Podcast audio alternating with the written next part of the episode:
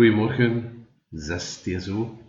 Goedemiddag of goede avond, wanneer jullie deze podcastles ook luisteren. Dit is waarschijnlijk jullie allereerste podcastles ooit.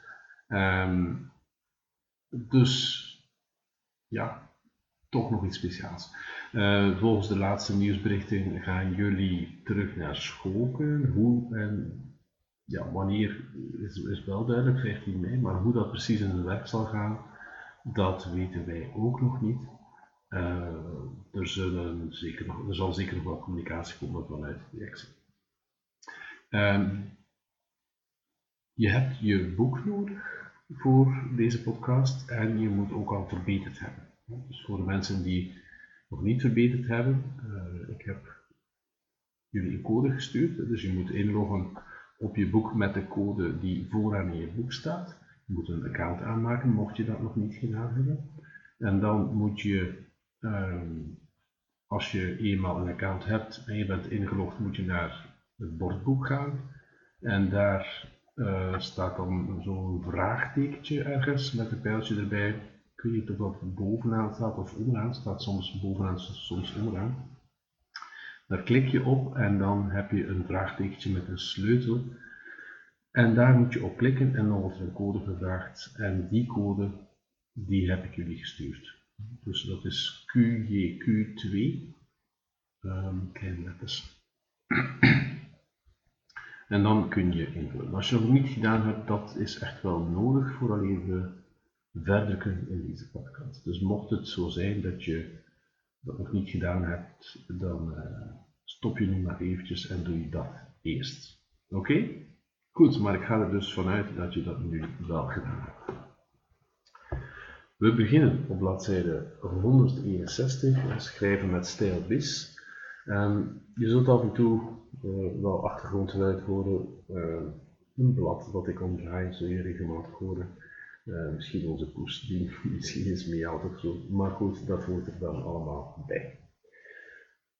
Goed, schrijven met stijl en we beginnen met de beknopte bijzin. Een beknopte bijzin, dus bladzijde 161 Een beknopte bijzin is een bijzin waarin het onderwerp ontbreekt en de persoonsvorm vervangen wordt door een deelwoord of een infinitief. Dus dat is de definitie. Um, probeer die te kennen, maar probeer die vooral ook te begrijpen. Dus Um, er staat een deelwoord, dus dat kan een tegenwoordig of onvoltooid deelwoord zijn of een voltooid deelwoord. Ja, dus um, lopend is een onvoltooid deelwoord, uh, gelopen is een voltooid deelwoord. Ja, lopend, het is als het ware nog bezig, het is onvoltooid, vandaar de naam. Um, dus een beknopte bijzin is een bijzin zonder onderwerp, hè, wanneer het onderwerp ontbreekt en de persoonsvorm wordt vervangen door een deelwoord of een infinitief. Voorbeeld, breed lachend opende Pieter zijn verjaardagscadeau. Lachend is tegenwoordig of onvoltooid deelwoord. Ja? Dus de beknopte bijzin daar zal zijn breed lachend. Uh, ongelooflijk ontgoocheld keek hij naar de roze sokken in de verpakking. Ontgoocheld is het voltooid deelwoord in dit geval. Een onvoltooid deelwoord zou zijn ontgoochelend. Um, toch was hij attent genoeg om zijn oma uitbundig te bedanken. Bedanken is daar infinitief. Um, een foutief gebruikte beknopte bijzin kan verwarring veroorzaken. En daar gaat het eigenlijk over. Dus het gaat over schrijven. Uh, en dit is een fout die ja, toch wel behoorlijk veel voorkomt. Fris gewassen hing mijn moeder de lakens aan de waslijn. Ja, wie wat is nu fris gewassen? Zij de lakens de moeder. Ja, dus in principe wordt daar bedoeld de lakens, zie je in de uh, verbetering staan. Maar in deze zin lijkt het wel alsof moeder fris gewassen is. Dat kan natuurlijk, maar ook dan is het wel verwarrend. Um, hoe verbeter je deze zin zodat de eigenlijke betekenis duidelijk is? Ja, moeder hing de fris gewassen lakens aan de waslijn bijvoorbeeld, of moeder had de lakens fris gewassen en hing ze aan de waslijn. Totaal van de kaart geraakt bracht de directeur de leerling naar huis na incident in de klas. Wie is totaal van de kaart? Ja, je kunt vermoeden de leerling, maar het lijkt wel alsof de directeur eh, van de kaart is. Dus mocht dat zo zijn, dan ook dan moet je eigenlijk een betere een andere constructie nemen, zodat het duidelijk is wie totaal van de kaart is. Grammaticaal gezien is het hier de directeur, maar ook inhoudelijk niet helemaal klopt, precies niet helemaal. Uh, mocht het toch zo zijn dat het de directeur is, dan ben je beter dat je dat uh, op een andere manier benadrukt, dat dat die directeur is. Goed, de volgende zin. Hoe verbeter je, de volgende oefening, hoe verbeter je deze zin zodat de, uh, de eigen betekening, betekenis duidelijk is, omdat de leerling totaal van de kaart geraakt was door het incident in de klas, bracht de directeur hem naar huis. Dat is natuurlijk maar één mogelijke oplossing. Uh, er zijn er meerdere. En uh, ik wil toch wel benadrukken, dit is maar één mogelijke oplossing. Uh, ja. De, je, kunt, je kunt ook perfect zeggen, de leerling was totaal van de kaart geraakt en de directeur bracht hem naar huis. Dus het hoeft niet per se met, dat verband te zijn, dat, omdat. We gaan op bladzijde 162. Verbeter de beknopte bijzin indien nodig, licht je antwoord toe. Alvorens te stemmen over het voorstel lichtte de voorzitter de verschillende aspecten ervan nog eens toe. Het zijn de leden die kunnen stemmen en niet alleen de voorzitter. Dus ja, die moet je daar aanpassen. Na het plafond een kleurtje gegeven te hebben, begon ik de muren te schilderen. Uh, juist, dus ja, er kan geen misverstand zijn daar. Luid huilend stopte, de, stopte moeder de baby in zijn bedje waar hij onmiddellijk in slaap viel. Ja, dan lijkt het alsof moeder luid huilt. Dat kan natuurlijk niet, maar dan moet het ook wel duidelijker zijn. De rest van de oefeningen, ja, uh, bekijk die eens en mochten er vragen zijn, juist dat had ik nog niet gezegd, stuur ze mij alsjeblieft door, dan kan ik ze eventueel in een volgende podcast behandelen. Of mocht de vraag ja, te specifiek zijn voor jou, dan beantwoord ik ze natuurlijk gewoon via Smart School. Dus uh, niet twijfelen als je vragen hebt, schrijf ze liefst wel allemaal op terwijl je bezig bent, zodat je dan ze kunt bundelen en dat je geen vijf of zes of zeven berichten moet sturen. Je mag natuurlijk ook altijd eerst dus zelf googlen en dat uh, heeft vaak leuke resultaten en je zult ook in de komende jaren in het hoger onderwijs ja, zelf verantwoordelijk zijn vaak om dit soort van dingen toch te weten te komen. Dat kan ook via um, uh, medeleerlingen natuurlijk. Hè. Dus in dit geval medeleerlingen of, of ja, medestudenten.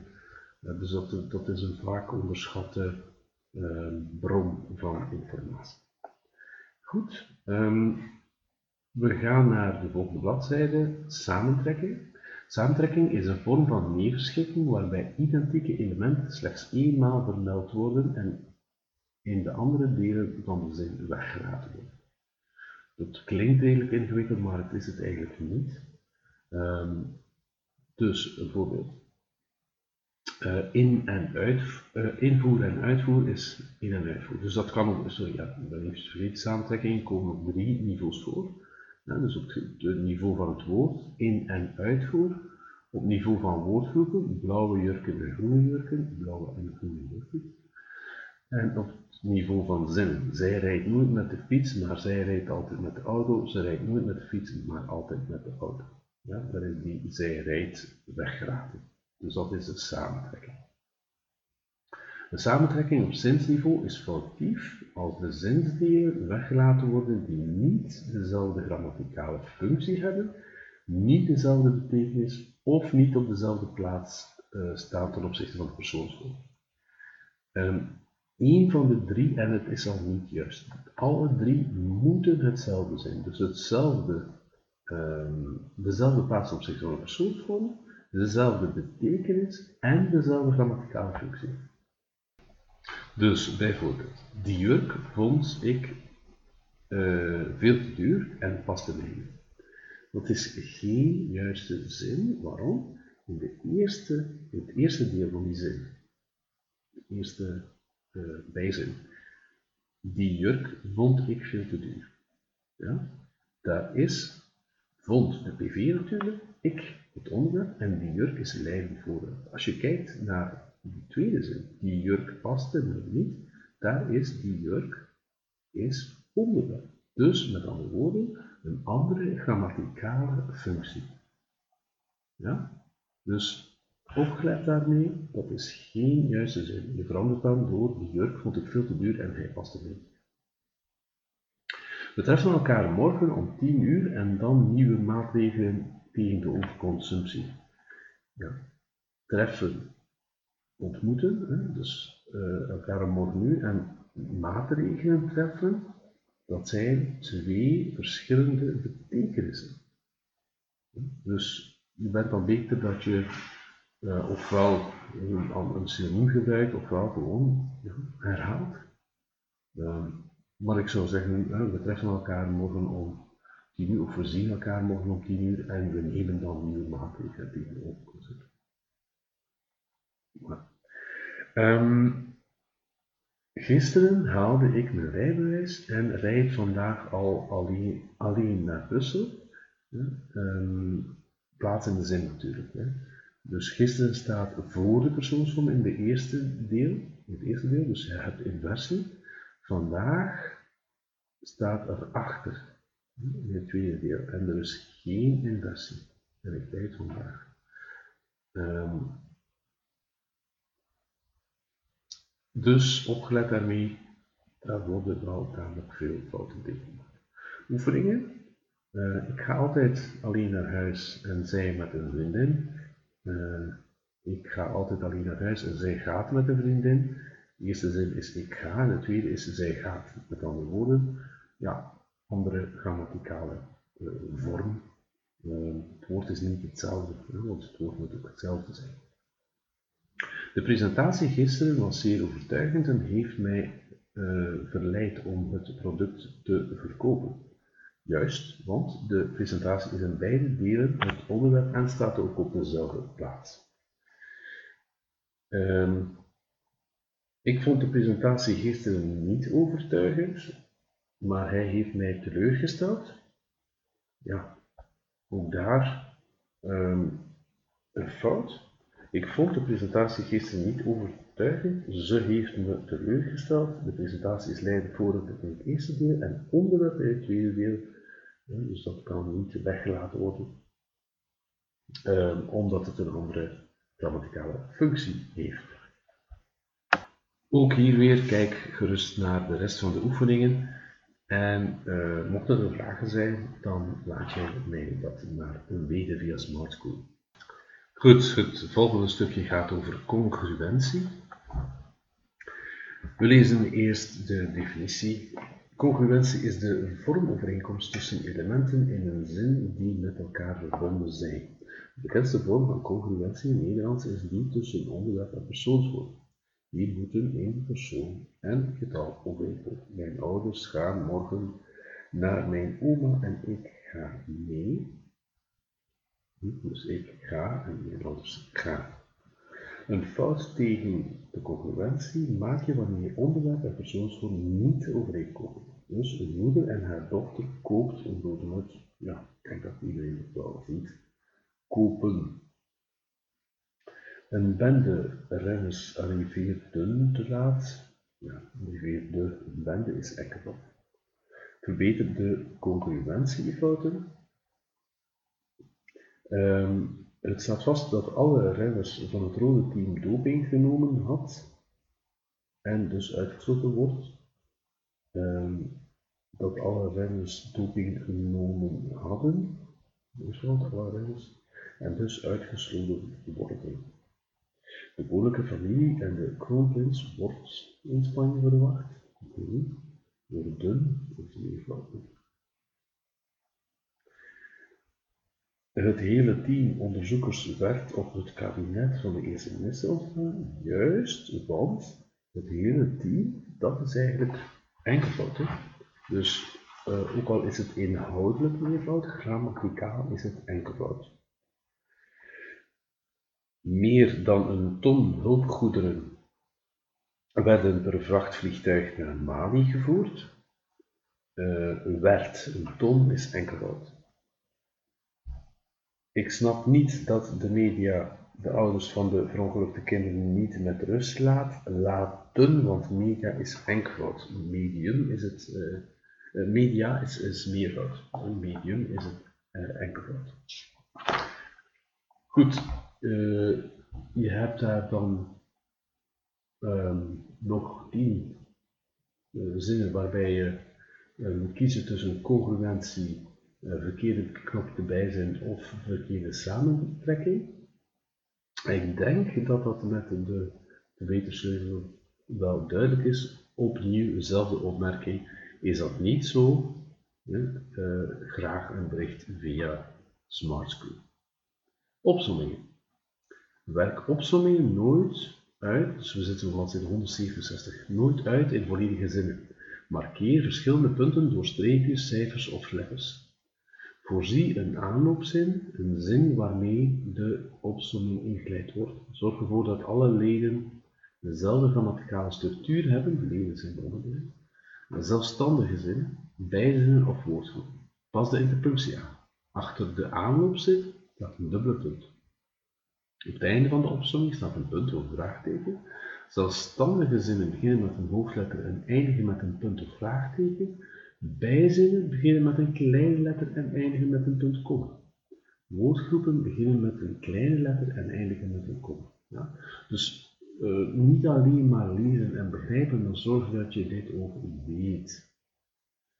Een hoofdletter na een dubbele punt is in drie gevallen juist.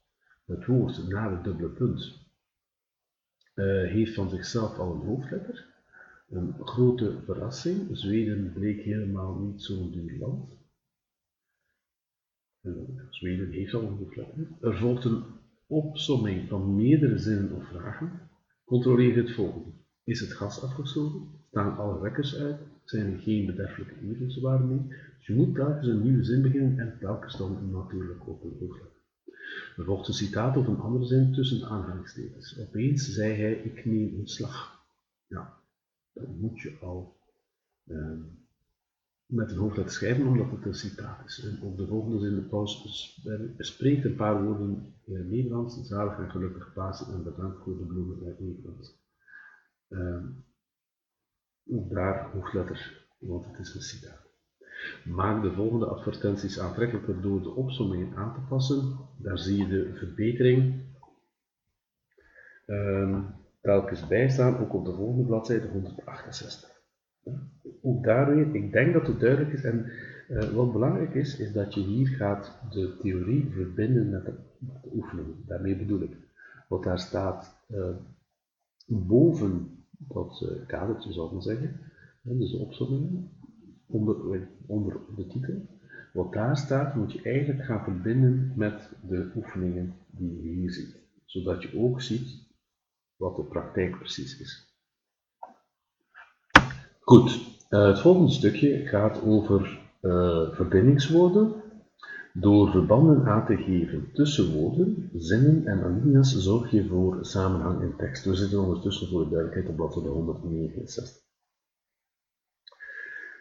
Er zijn verschillende soorten signaal- of verbindingswoorden. We zetten een aantal verbanden en verbindingswoorden of vervoegwoorden op een rij. Dus je ziet daar opzomming, toelichting, volgorde, oorzaak, gevolg, doel, middel, voorwaarde, reden, verklaring, vergelijking, tegenstelling, samenvatting, conclusie en beperking.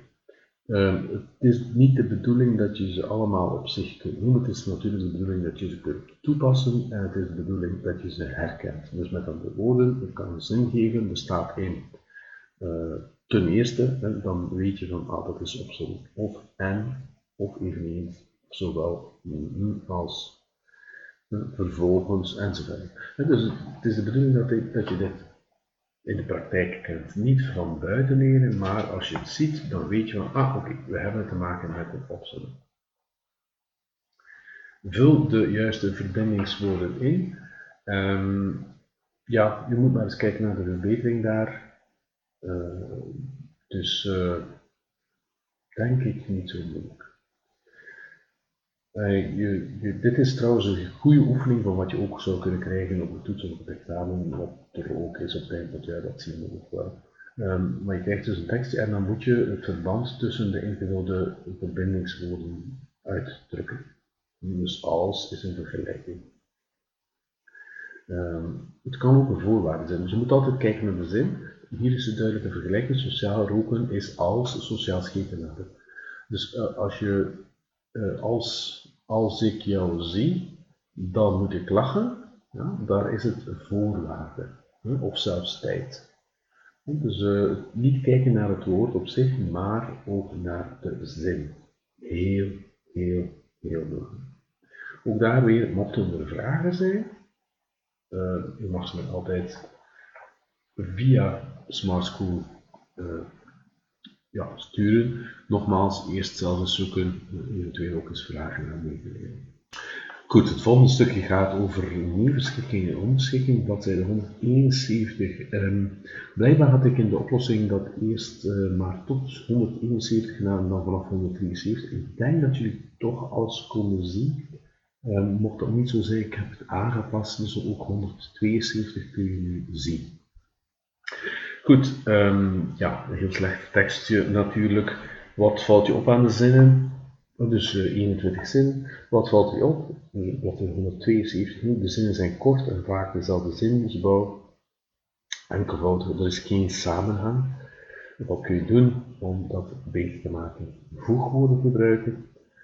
Welke voegwoorden worden hier op een eenvoudige manier, kunnen hier op een eenvoudige manier worden ingevoerd, waardoor de tekst vlotter leest en toch niet veel hoeft te veranderen, en maar dus want of Zie oplossing tekst voor vraag 5. Vraag 6. Hoe noem je dit soort samengestelde zinnen? Neerschikking. Ja? Um, is de tekst nu beter? Ja, maar de zinsbouw blijft eentonig. Je kunt de tekst nog op een hoger niveau brengen door ook ondergeschikte voegwoorden te gebruiken. Voorbeelden dus vandaar ondanks zodat vooral Bij neerschikking zijn grammaticale gelijkwaardige woorden, woordgroepen of zinnen in een reeks naast elkaar geplaatst en met elkaar verbonden. In de meeste gevallen wordt daarbij gebruik gemaakt van neerschikkende voegwoorden zoals en, of, en, maar, uh, of van reeksvormers zoals zowel als en, ofwel, ofwel, Soms wordt de neerschikking alleen maar uitgedrukt door komma's. Dan zie je daar voorbeelden. Moet je maar bekijken. Bij onderschikking worden niet gelijkwaardige zinnen, bijzinnen en hoofdzinnen met elkaar verbonden. De bijzin die deel uitmaakt van en daarmee ondergeschikt is aan een deel van de hoofdzin wordt ingeleid door een onderschikkend voegwoord. Voorbeelden uh, van onderschikkende voegwoorden zijn dat Zoals in ik zag dat de trein vertraging heeft, of zoals in ik weet niet of de trein vertraging heeft, terwijl, om, enzovoort. En je ziet ook op de volgende bladzijde voorbeelden staan. Nu, ik denk dat we dat al gezien hebben, maar toch nog eens herhalen. Uh, je kunt het onderscheid zien tussen hoogte, uh, sorry, tussen uh, onderschikking en neerschikking als je het voegwoord weglaat en het, zijn nog, het is nog een goede zin, dan heb je neerschikking. Laat je het voegwoord weg en het is geen goede zin, ja, dan heb je onderschikking. Ik geef een voorbeeld. Um, als je kijkt bij um, uh, de tekst bij hersenelektroden tegen alcoholisme, de bladzijde 171. Frank had alles al geprobeerd en hij praatte met veel met psychologen. Ja, laat die en weg. Het blijft een goede zin. Maar um, een andere zin, bijvoorbeeld, uh, ik zal een voorbeeld nemen van onderschikking uh, onderaan bladzijde 172 in het kaartje daar. Um, ik weet niet of de trein vertraging heeft. Ik weet niet de trein vertraging heeft. Ik heb daar het voegwoord weglaten. Die twee zinnen zijn niet meer goed. De tweede is niet, is niet goed meer. Ook bij de andere. Ik zag dat de trein vertraging heeft. Laat maar eens die dat weg. Ik zag, oké, dat kan een goede zin zijn. De trein vertraging heeft niet. Dus dat is het verschil. Zo kun je het verschil zien tussen onderschikking en neerschikking. Bij neerschikking blijven het twee goede zinnen, bij onderschikking niet. Ja, heel eenvoudige regel. Goed, opdracht 9 op bladzijde 173. Um, ja, we moeten maar eens kijken naar de oplossingen. Dit kan echt ook wel een uh, soort van uh, examenvraag zijn. Hè. Uh, gescheiden zinnen en gebruik een onderschikkend voegwoord. Nu, ik zeg niet dat dit de enige oplossingen zijn. Ook daar weer, heb je vragen, dan mag je mij die zeker sturen. Als je ze zelf hebt proberen oplossen. Goed. Um, wat voeg je telkens in wanneer je dat voegwoord gebruikt? Een komma, die voorafgaat aan het voegwoord. Bij onderschikkende voegwoorden de zinsbouw en dan moet je een komma toevoegen. Um, dus, hoewel het een, ik zal het derde voorbeeld nemen, hoewel het een experimentele ingreep is, komma, vindt Frank hem nu al geslaagd. Ja? Um, of de uh, Tweede zin, een neurochirurg plantte een elektrode in zijn hersenen, komma, zodat Frank, zie Dus je moet altijd, uh, als je een uh, onderschikkend voegwoord gebruikt, dan moet er een komma vooraf gaan. Heel belangrijk, worden zeer veel fouten tegenmaken. Goed, volgende bladzijde 174 zitten we ondertussen en dat gaat over alinea opbouw. De lengte van een alinea speelt een belangrijke rol. De alinea-verdeling is immers bepalend voor de structuur van de tekst. Een opeenvolging van korte alinea's met één of twee zinnen leidt tot, versnippering van de inhoud. Een opeenstapeling van erg lange alinea's is vaak onleesbaar, omdat de structuur van de inhoud volledig uh, verloren gaat. De inhoud van een alinea bestaat in principe uit de uitwerking van één hoofdvraag en één thema uit het bouwplan van de tekst. Om een duidelijke alinea-opbouw te krijgen, moet je de essentie van de inhoud in een kernzin formuleren. Die kernzin plaats je op een belangrijke plaats in de alinea. Dat zal dan vooraan of achteraan zijn. Heel, heel, heel belangrijk, want ik merk in jullie schrijfoefeningen ongelooflijk veel fouten tegen alinea's. Ik heb al vaker gezegd dat je ze moet gebruiken wetregels, niet met gewoon de lijn uh, beginnen. Uh, ook in jullie kijk dit na, kijk dit absoluut na, want het is zeer belangrijk. Niet alleen voor mij, maar ook voor iedereen. Um, niemand leest graag een tekst met ja, alinea's van één of twee zinnetjes. Niemand leest graag teksten met alinea's die maar blijven doorgaan. Um, je hebt twee um, we zien hier drie um, soorten alinea's. Bij een analytische alinea staat de kernzin vooraan. De uitwerking of analyse van de inhoud volgt dan in de volgende zin. Bij een synthetische alinea schrijf je eerst de uitwerking van de inhoud. De kernzin aan het einde van de alinea is een samenvatting of conclusie. Als je in één alinea een contrasterend standpunt wilt uitwerken, schrijf je een keerpunt alinea. Dus uitwerking 1 Kernzin uitwerking 2. Uh, we zullen straks de voorbeelden wel zien en dan zul je het wel begrijpen. Binnen een alinea en tussen de verschillende alinea's van een tekst onderling gebruik je de nodige verbindingswoorden. Ja?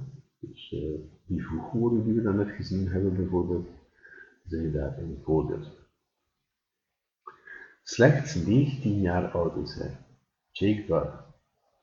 Muzikaal is hij opgevoed door de grote namen uit de jaren 60, 70 zoals Bob Dylan, The Beatles, Johnny Cash en Donovan. Met Lightning Bolt scoorde Jake, Jake vorig jaar een radiohit. Zijn debuutalbum stootte Mumford Sons Babel van de toppositie in de belangrijke Billboard Album Chart in Engeland. Geen wonder dus dat het concert van de Brit in Tivoli in no was uitverkocht.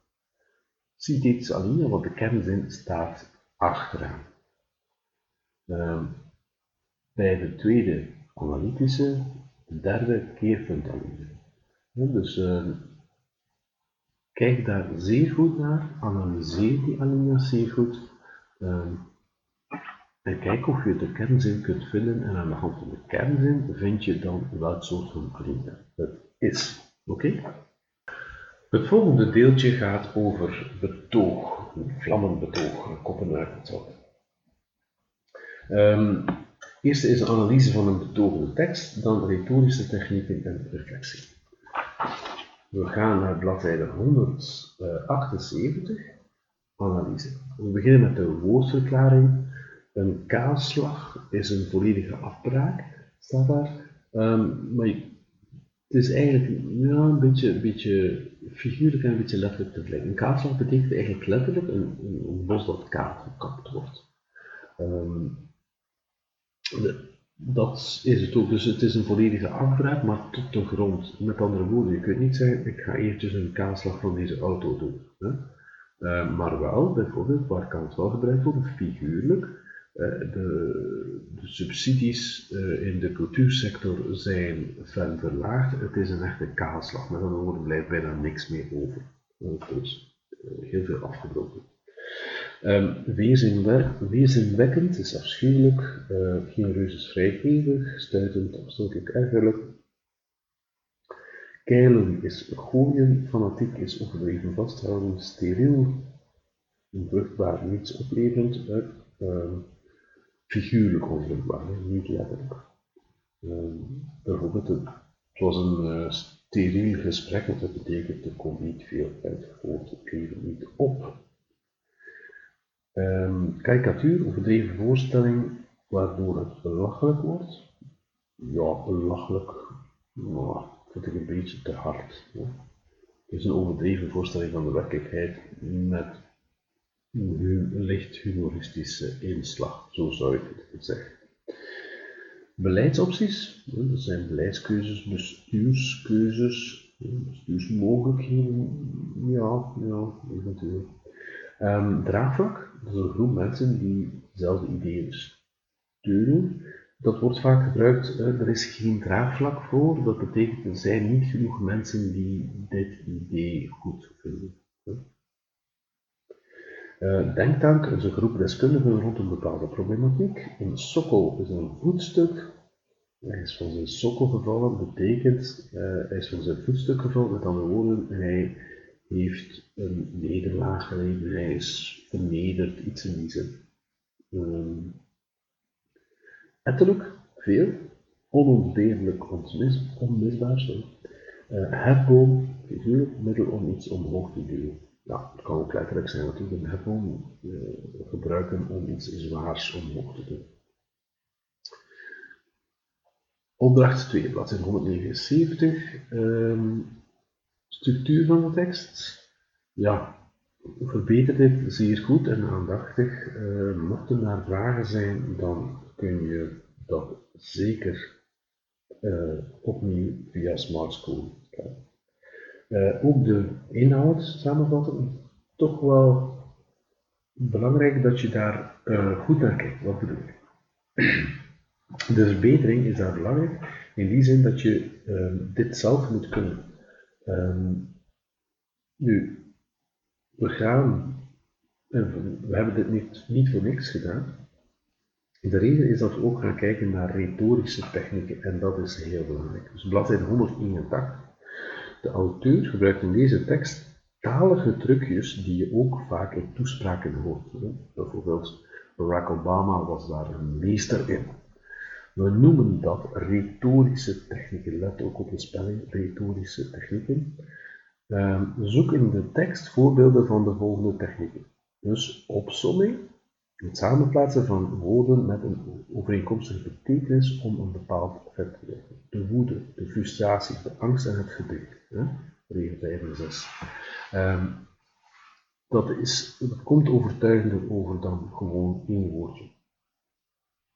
Herhaling. Het herhalen van eenzelfde woord of woordgroep aan het begin van, één, van, van twee of meer opeenvolgende zinsdelen om meer nadruk te leggen. Alsof onze problemen simpel zijn. Alsof er maar één factor van belang is. Alsof er slechts, zie, telkens herhaling. Er zijn nog twee voorbeelden, je moet maar kijken in de verbeterslid. De antithese. Dus dat is de derde retorische techniek. Antithese, tegengestelde woorden, tegengestelde woorden of begrippen die met elkaar verbonden zijn.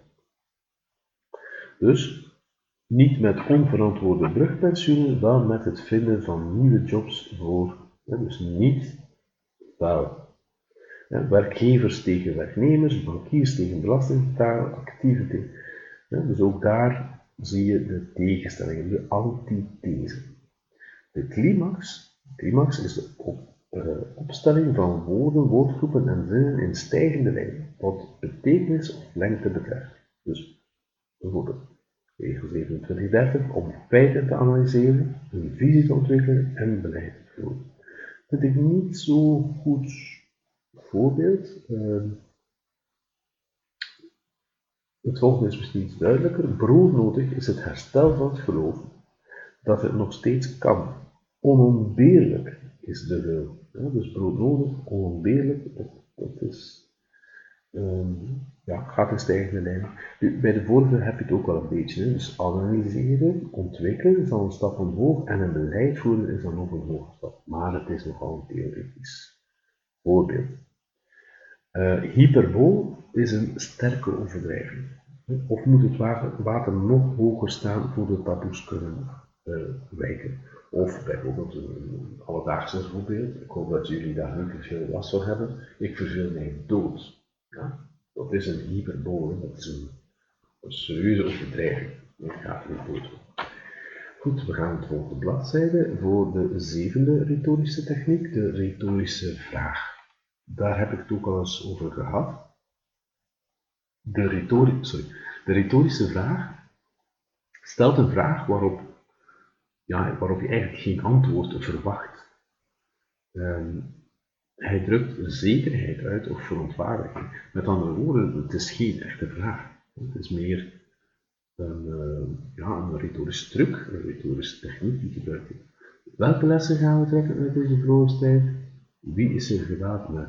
Ja, waarom gaat het altijd zo? Dat is niet dat je daar antwoord verwacht. Uh, wanneer houden we als samenleving uh, ja, alsof er maar één factor? Dus telkens wordt er een vraag gesteld waarbij je eigenlijk helemaal geen antwoord verwacht hebt. En dan de zevende retorische techniek, uh, stijlfiguur. De maakt ook gebruik van metaforen en andere vormen van beeldspraak om zijn betoog kracht bij te zetten. Enkele voorbeelden, sociale kaalslag. Dus ik heb al gezegd, een kaalslag is eigenlijk bij een bos. Sociale kaalslag maakt een dus dat is eigenlijk een metafoor. Um, um, een potje zwarte pieten, ja, een, uh, een potje zwarte pieten, dat betekent eigenlijk elkaar de schuld geven.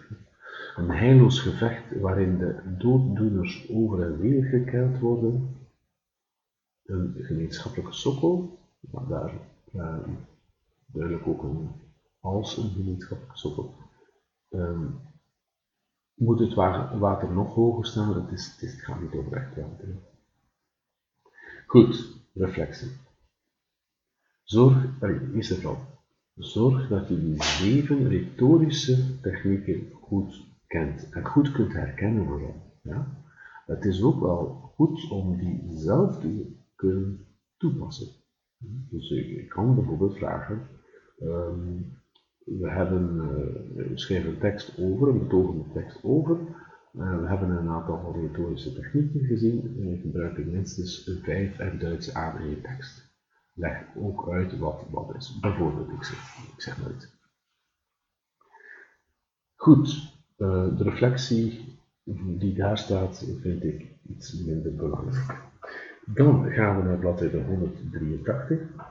Um, dat is een kort verhaal, uh, zodat je de uh, woordenschat op de onderkant van de bladzijde kent, dus de woordverklaringen bedoel ik. Um, bijvoorbeeld souffleur, geprononceerd. Bladzijde 184 lees het verhaal en beantwoord de vragen. Ja, mochten er vragen zijn over de vragen en de antwoorden hier, ook dat laten maar liggen. Um, ja, de, de vragen op bladzijde 185 zijn eerder persoonlijk. Um, maar denk eens over na. Het verhaal gaat verder.